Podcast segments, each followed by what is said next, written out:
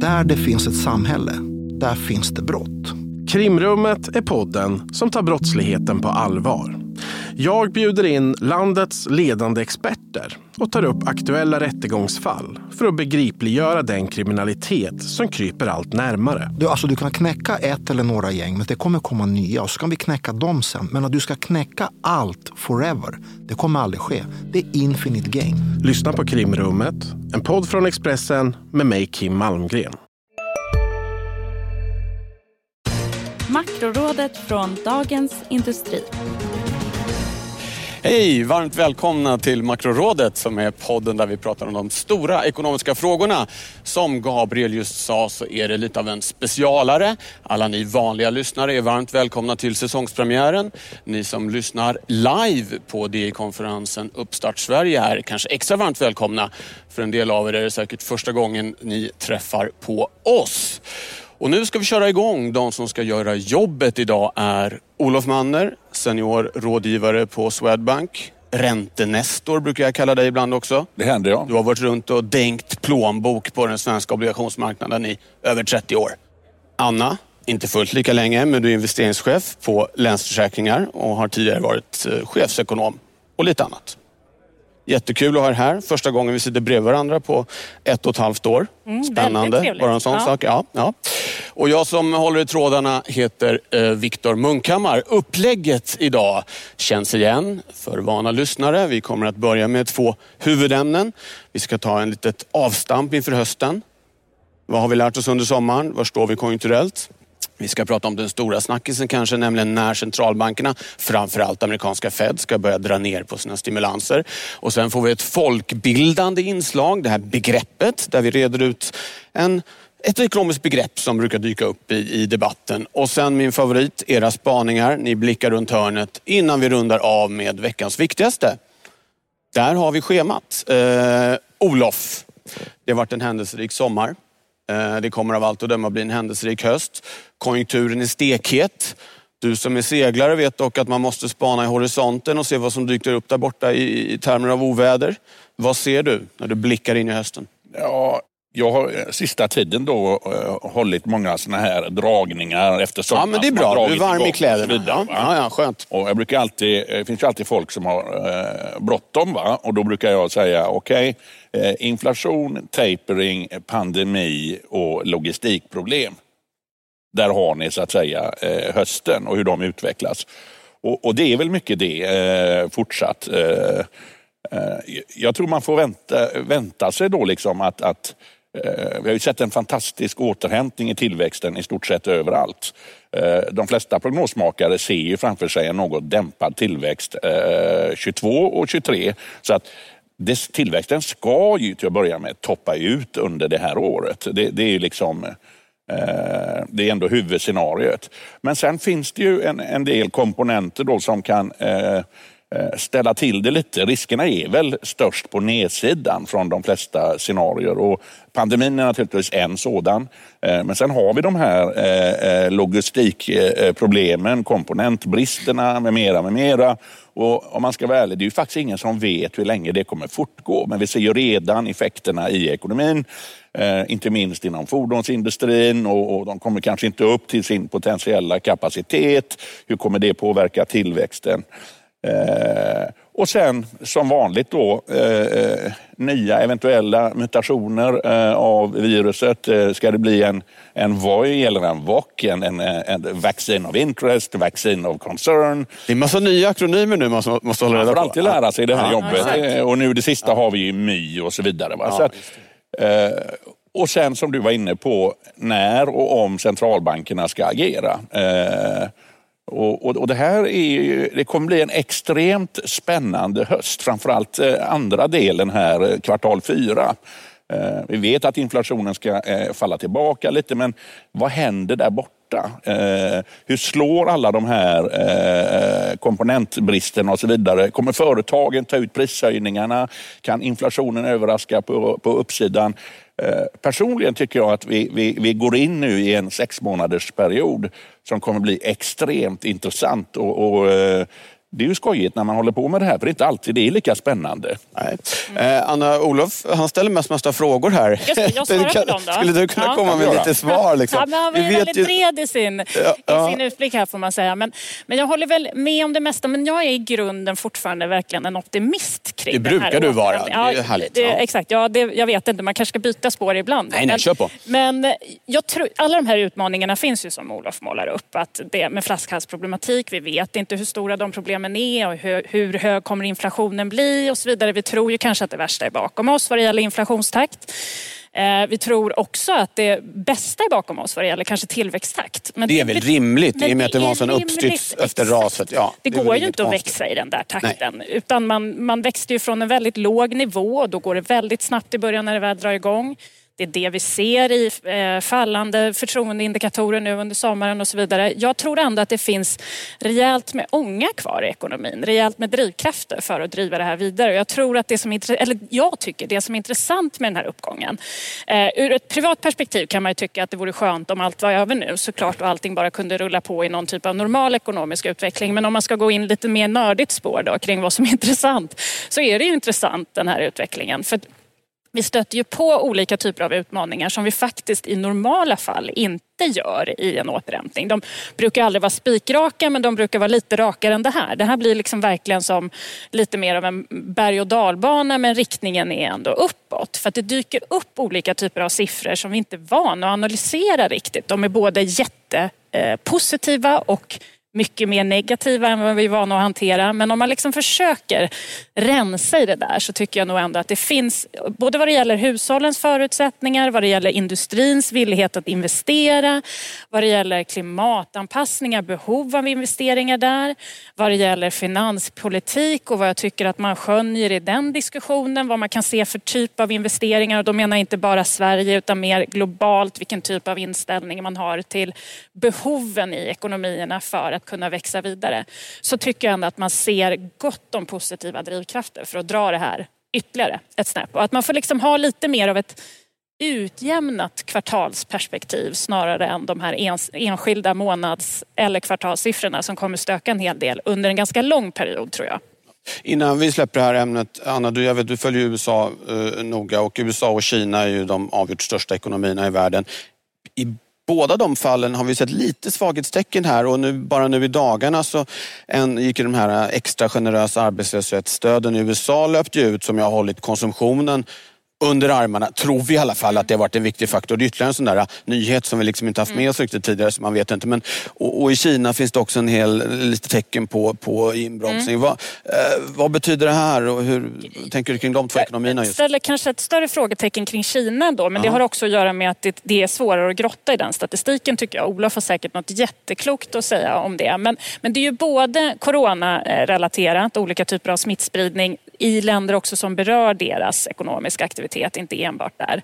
Eh, Men olika typer av regulatoriska frågor också tycker jag. Så jag, jag tycker att det är ett större frågetecken där. Vad det gäller USA så tror jag ändå att hushållen ser ut att ha goda förutsättningar även efter det här att de här extra höga arbetslöshetsersättningarna då löper ut. Jag tycker nästan att det känns skönt för vi får lättare liksom på något vis att analysera statistiken för den har nog varit ganska så förvrängd av just den här, eh, de här extraordinära åtgärderna i USA som vi ju inte alls egentligen är vana att se på deras arbetsmarknad som ju är mycket mer marknadsrelaterad om man ska, säga, om man ska jämföra med Europa där vi ändå eh, styr upp arbetsmarknaden på ett helt annat sätt. Så att nu får vi ändå möjlighet att se eh, riktiga siffror som verkligen kan tala om var problemet ligger. Och, Olof, du satt och nickade där i början. Eh, Släpper Ja, in nej, också för innan det första vill jag säga, jag vill inte vara någon makrovärldens krösa-Maja. Så att jag kan ju liksom ändå komma med någonting positivt och Ja, att vi nu öppnar upp ekonomin om tre veckor. Det tror jag kommer så att säga ge en ytterligare kick. Eh, och det är svårt att säga hur stor den blir, men men jag tror så att säga det blir väldigt positivt. Eh, kommentarer till... Ja, eh, USA, vi ser ju konsument... Eh, eh, de här framåtblickande eh, Michigan, Consumer Confidence och så vidare. De doppar och, och i Kina ligger inköpschefsindex under 50, vilket då indikerar, och framförallt på tjänstesidan, vilket då indikerar att, att ekonomin just nu faktiskt krymper. Men de flesta ser en tillväxt i Kina i år på eh, över 8 procent, i USA på 6 procent. Det är världens två största ekonomier. Vad fan, det drar ju på rätt ordentligt. Ja, bra. Det tycker jag blir en bra avslutning kring det här ämnet. Det drar på rätt ordentligt. Eh, då ska vi grotta lite mer i det som du var inne i i början där Olof och som är en sak för hösten, nämligen centralbankerna. Eh, framförallt är det Federal Reserve, den amerikanska vi har pratat om. Eh, att de ska det här tapering som du sa, alltså trappa ner på, på köpen av, av räntepapper. Eh, de planerna fick en liten törn här i förra veckan när vi fick svaga jobbsiffror.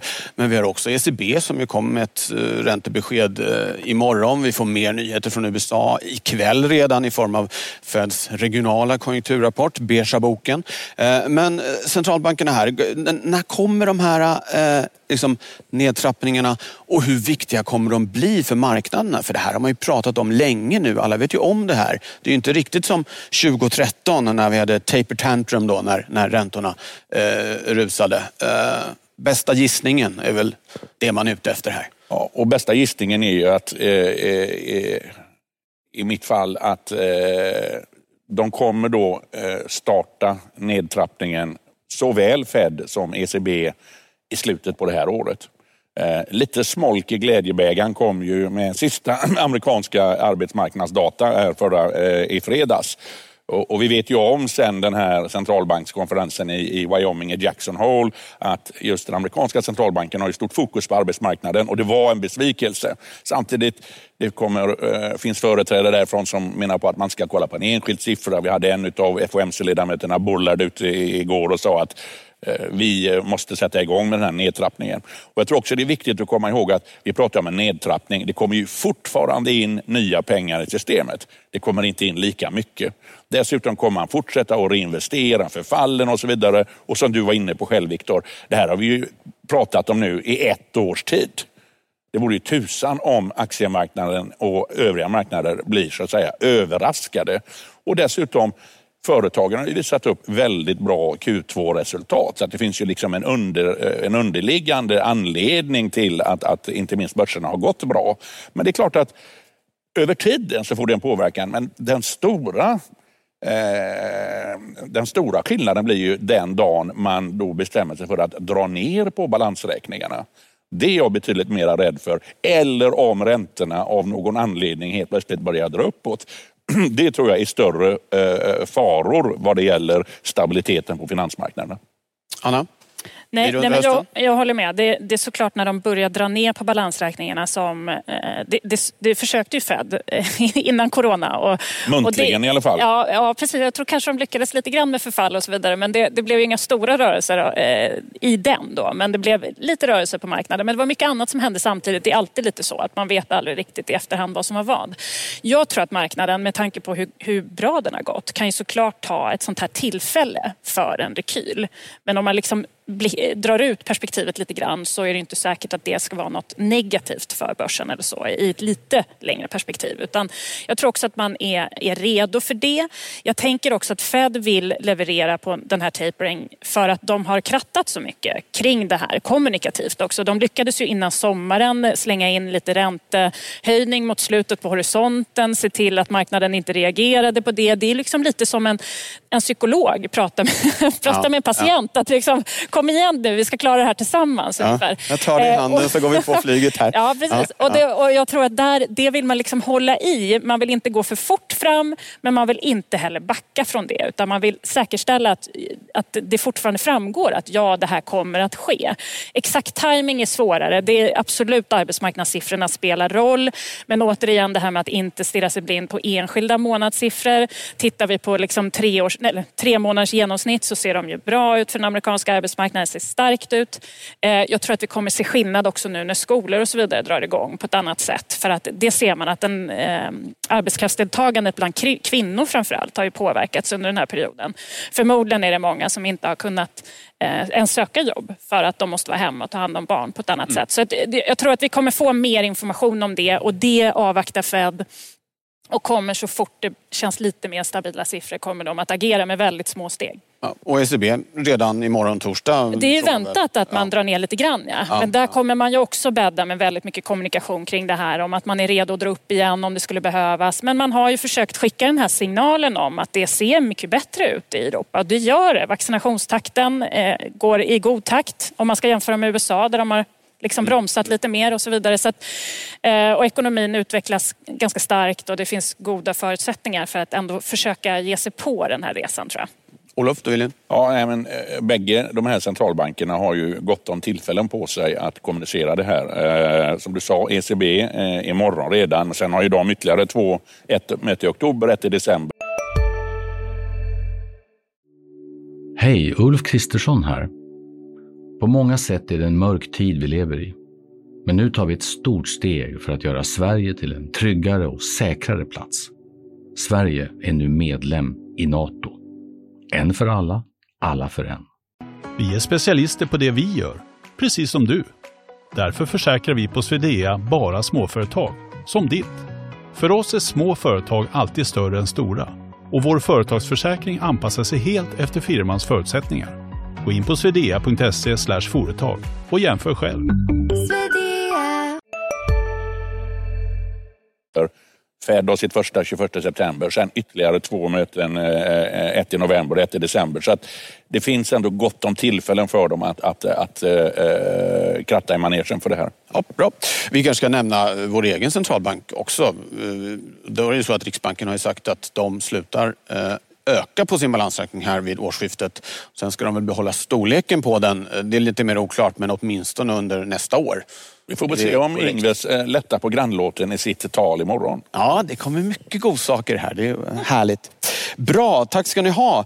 Då, Anna, ska du ta dig an det här begreppet där vi kortfattat, gärna på sådär 60 sekunder, reder ut ett centralt ekonomiskt begrepp. Och idag är det eh, strukturellt i motsats till konjunkturellt för att sätta alla lyssnare och tittare på rätt spår. Exempelvis så pratar ju en finansminister brukar prata om det strukturella sparandet och sådär. Vad är det här strukturellt man, man snackar om då? Ja, det är faktiskt ett av mina favoritbegrepp så det känns fint faktiskt. Oj, oj, oj, ja, jag kanske där, svänger ja. mig med det lite för ofta faktiskt. Så det är kanske därför du ger mig det här. Men, eh, nej, men jag ser det som att strukturellt är liksom förutsättningarna för ekonomin i grund och botten. Och det har ju att göra med skatter och bidrag och incitament och lagstiftning, en mängd olika saker som skapar förutsättningar för ekonomin att växa i en viss takt i ett normalt konjunkturläge. Eh, det, det, låter ju, det är många begrepp där men det är ändå någon typ av liksom genomsnitt då om man ska förenkla det lite grann, vilket det inte riktigt är så enkelt kanske. Men konjunkturen är helt enkelt det som snurrar runt omkring utifrån olika typer av stimulanser och drivkrafter i ekonomin så att man rör sig kring den här strukturella takten. Ehm, och strukturellt sparande är ju då när man försöker helt enkelt justera det finansiella sparandet och se om det hade varit en normal ekonomi nu, normal konjunktur, vad hade vi sparat då? Så att man ska kunna spara mer i goda tider och mindre i mindre goda tider. Jag vet inte, lyckades jag inom de här 60 Jag tror det. Jag, det, det, jag tog inte tid, det borde jag förstås ha gjort. Det var klantigt av mig. Men jag, jag tror att du gjorde det. Men strukturellt, mm. det som är i grund och botten, konjunkturellt liksom. svänger runt där. Ja. Och så vill man försöka se igenom uh, det här konjunkturella för att få en korrekt bild av. Precis, och där kan man ju säga eh, penningpolitiken borde ju syssla mest, kanske i alla fall, förenklat med det konjunkturella medan finanspolitiken har stora möjligheter såklart att förändra det strukturella. Spännande. Och det kommer du prata mer om i din spaning sen Jajamän, tror jag. vilken spaning. Ja, precis. Men eh, först Olof ska du få spana och för nytillkomna tittare och lyssnare. Spaningen är då ett försök här att lyfta upp något som har gått kanske lite under radarn Titta runt hörnet, något ni har gått och grubblat på? Ja, eh, Eller? Ja, ja, jag orolig. Nej, men, eh, eh, jag berörde det flyktigt eh, ja, jo, jag hörde att det liten men det har, på där. Ja. Det har att göra med just de här eh, eh logistiska problemen. Containerpriser, eh, containrarna är på fel ställe, leveransproblem, eh, komponentbrist, framförallt halvledare och sånt där. Och, och det faktum att ingen vet hur länge det kommer att hålla på. Dessutom eh, i inledningen av pandemin, eh, då stoppade ju leveranserna från Kina. De var ju väldigt snabba med att stänga ner. Och eh, bägge de här erfarenheterna som många då producenter i Sverige och Europa har fått genom att, så att säga, de får inte sina eh, insatsvaror, eh, kan inte leverera produkter till eh, konsumenter där efterfrågan liksom ligger på en hög nivå. Eh, vad kommer det här leda till? Eh, det finns eh, redan exempel på företag som så att säga, bygger upp eh, underleverantörssystem närmare kroppen. Det vill säga eh, världens verkstadsbord, Kina, är inte, så att säga, har inte längre monopol på, på alla eh, leveranser. Utan man, man bygger upp, så att säga, hittar nya leverantörer eh, i, närmare kroppen i Europa och så vidare. Hur kommer det här, så att säga, vad, vad får det för effekter? Kan det innebära så att säga att det, det blir ett litet lyft eh, för eh, industriell verksamhet i Europa eller till och med i Sverige. Eh, att man börjar så att säga, producera saker själv. Eh, det vet vi naturligtvis inte ännu. och Vi vet inte länge, eh, heller hur länge den här eh, anomalierna består. Men tankarna finns där ju redan. Det kanske till och med gynnar europeisk arbetsmarknad, vad vet jag. Så att men, men tänker du då att det, här, det vi ser nu kan leda till en mer långtgående skifte i hur ja, ekonomin ja, är organiserad? Det är, det är som sagt en spaning, ja, men ja, man ser tecken. Du gjorde ju eh, liknelsen här med seglaren. Va? Ser man fiskmåsar eh, helt plötsligt på havet, ja då är sannolikheten att man närmar sig land lite större. Och när man pratar med företag idag så resonerar de ju i de här termerna. Många har byggt upp alternativ och så vidare. Och, eh, jag tycker det ska bli väldigt spännande att se så att säga, effekterna av detta. Dessutom är det också så att det geopolitiska eh, läget har ju hårdnat till. Om man tittar på relationerna mellan eh, både eh, Europa och USA mot Kina. Eh, och, och, och, det kan göra också att man så att säga tar geopolitiska hänsyn och, och liksom planerar för att helt plötsligt så kommer inte grejerna av vilken anledning som helst. Det var, de här sakerna pratade vi faktiskt lite om innan pandemin. Ja, och det har redan skett också. Ja, det kan ja. vara någon anställd som twittrar någonting eller det kan vara eh, någonting annat. Va? Men, men, men, men jag tror att man har fått sig en tankeställare och vågar så att säga inte ha leveranserna från bara ett håll som ligger långt bort. Ja. Anna, Kort kommentar mm. ja, men det finns ju både positiva delar och negativa delar i det där tänker jag. Jag, menar, jag är en anhängare av handel, global handel. Det är klart att vi vill handla mycket med varandra. Så det, det vill man ju inte ska minska på olika sätt. Däremot ett mindre beroende av det här och dessutom ett hemtagande av produktion som också ur ett hållbarhetsperspektiv skulle kunna vara positivt på olika sätt. Den, den potentialen finns ju också i det här. Jag tror att vi kommer att under ganska lång tid se den här typen av beteendeeffekter. Inte bara kring just den här frågan utan att vi faktiskt kommer att ha det här med oss, den här erfarenheten som det har varit eftersom vi har berörts av det på ett helt annat sätt på personligt plan också. Vilket jag tror att man tar med sig in i arbetslivet och påverkar den inriktning som också företag tar vad det gäller investeringar och vad det gäller långsiktiga planer kring hur, hur vi ska få det här att fungera långsiktigt på ett bättre sätt och vara ännu mer robusta om vi går in i, eller när vi går in i nästa kris. För någon, någon gång kommer den ju. Ja. Så att jag tror det.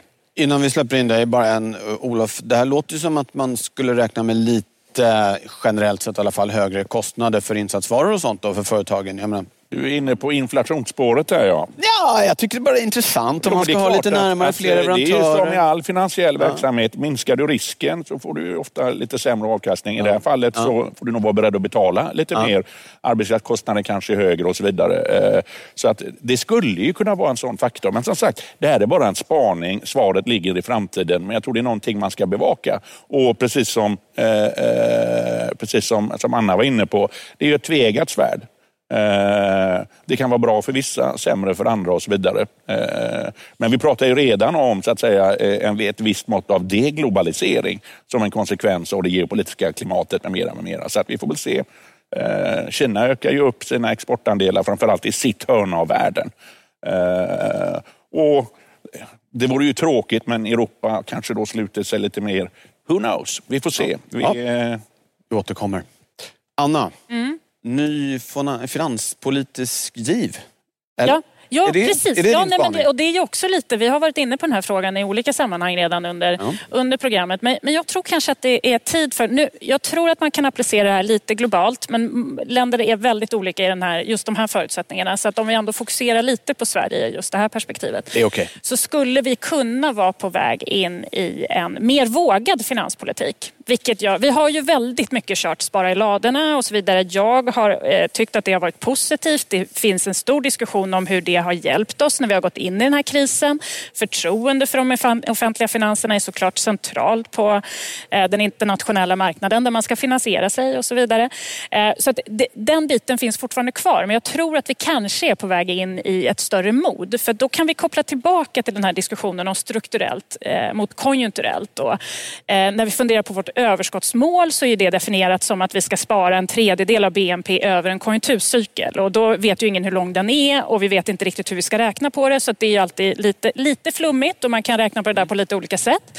Men det antyder ju ändå att vi ska spara i genomsnitt då. Eh, så, ja, det, så mycket tror jag alla ja, det är liksom, Vi ska ja, inte ja, använda för mycket pengar. Men det betyder ju också att man egentligen in, har svårt att göra den här typen av investeringar i att få den här strukturella tillväxttakten, den potentiella möjligheten i ekonomin att öka. För att du måste ju liksom hela tiden räkna hem effekterna och då diskuterar vi sådana här dynamiska effekter. Att, jo, men jag tror att vi gör det här, det kostar nu men vi får igen det sen.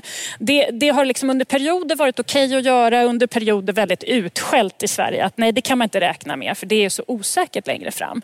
Men samtidigt så om man aldrig vågar göra den här typen av riktigt strukturella satsningar, investeringar, så är man ju liksom också kvar i att man har den här eh, normala tillväxttakten. Man har den här strukturen i ekonomin och det är så snabbt vi kan växa egentligen oavsett vad vi gör och så kommer vi liksom cirkla runt den där i ett konjunkturellt perspektiv. Och med den här erfarenheten vi har av corona, som jag var inne på, att jag tror att vi har påverkats av den på så olika sätt. Vi har varit varse att det har varit väldigt bra att ha en ekonomi i, i, ekonomi i reda. Vi har ett förtroende för även inflationsmålet och så vidare som har varit bra, som vi har byggt upp innan. Men vi har också förstått att det är andra delar av ekonomin som är viktigt att ha en bra struktur kring. Vården till exempel. Vi behöver satsa på vården på olika sätt. Sen kan man diskutera hur och på vilket sätt det ska finansieras såklart. Men jag tror att det finns en i allmänhet större önskan om att vi ska göra den här typen av satsningar. Och då är det klart att det också politiskt är mycket lättare att, lättare att genomföra det.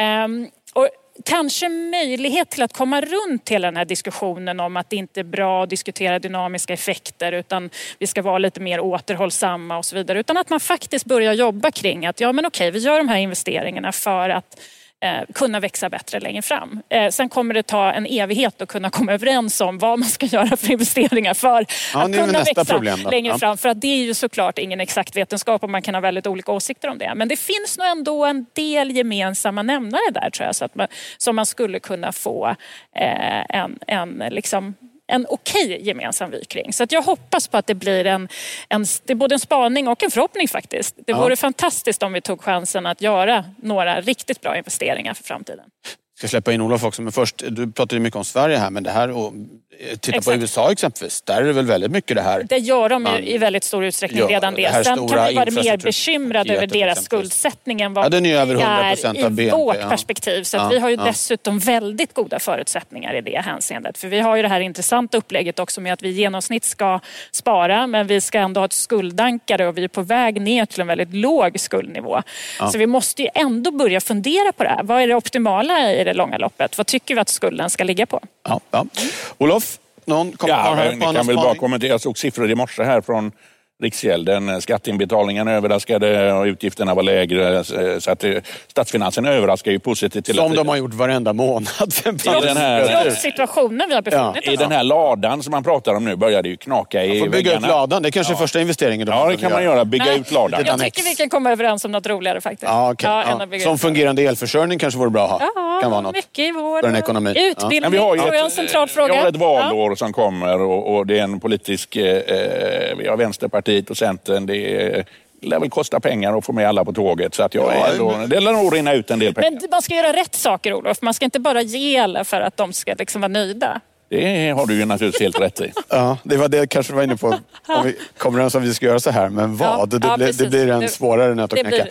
Hörrni, vi börjar närma oss eh, slutet här, men vi ska också hinna med eh, veckans viktigaste, nämligen vad man absolut inte får missa den allra närmaste tiden.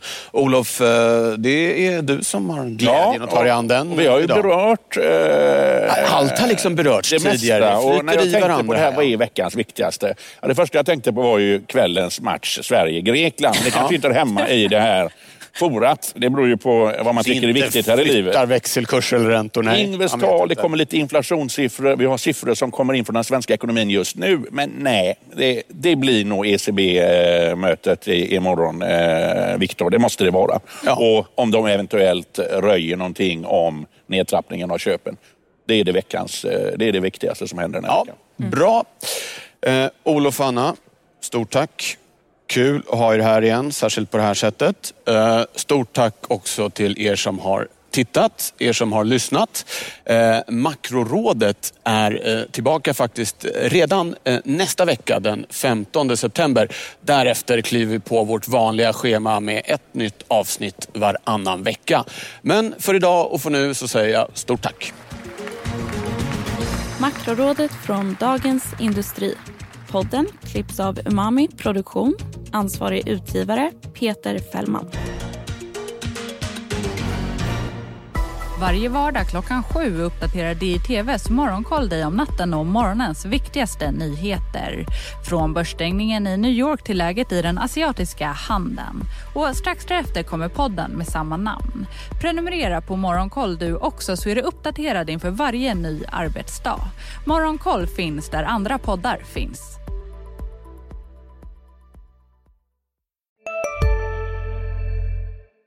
Hej, Synoptik här. Hos oss får du hjälp med att ta hand om din ögonhälsa. Med vår synundersökning kan vi upptäcka både synförändringar och tecken på vanliga ögonsjukdomar. Boka tid på synoptik.se. Välkommen till Maccafé på utvalda McDonalds restauranger med Baristakaffe till rimligt pris. Vad sägs om en latte eller cappuccino för bara 35 kronor? Alltid gjorda av våra utbildade baristor.